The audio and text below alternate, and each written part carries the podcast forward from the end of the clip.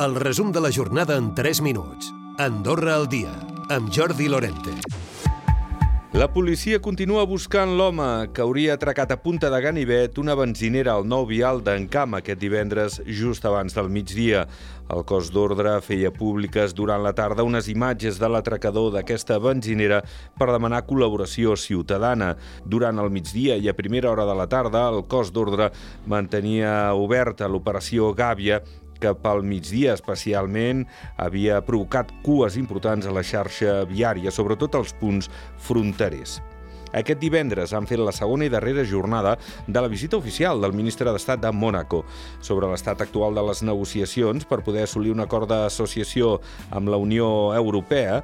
Mònaco ha pogut explicar la importància d'haver desenvolupat un estudi que permet identificar què passaria si aquest projecte no fructifica.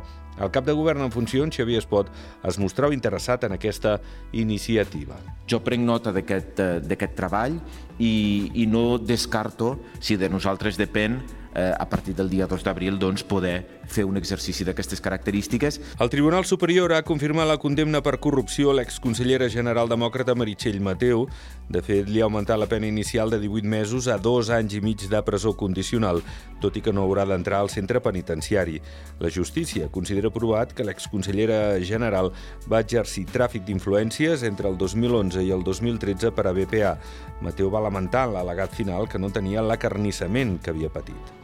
El Col·legi de Metges proposa al govern un augment de les tarifes del 10% en les visites als metges generalistes i d'un 8% als especialistes, que ara són més cares. La Meritxell Cosan és presidenta del Col·legi de Metges. No té massa sentit que les tarifes siguin diferents al preu de la consulta. I la consulta, tots dos metges som especialistes.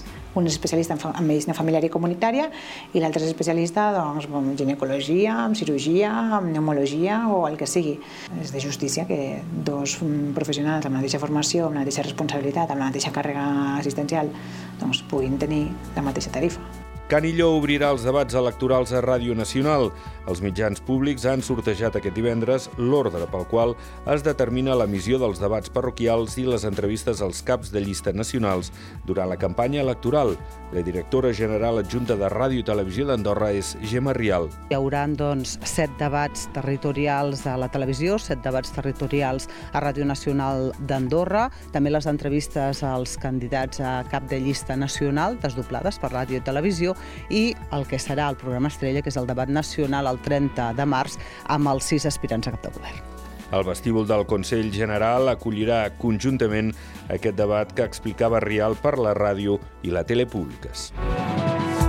Recupera el resum de la jornada cada dia a AndorraDifusió.d i a les plataformes de podcast.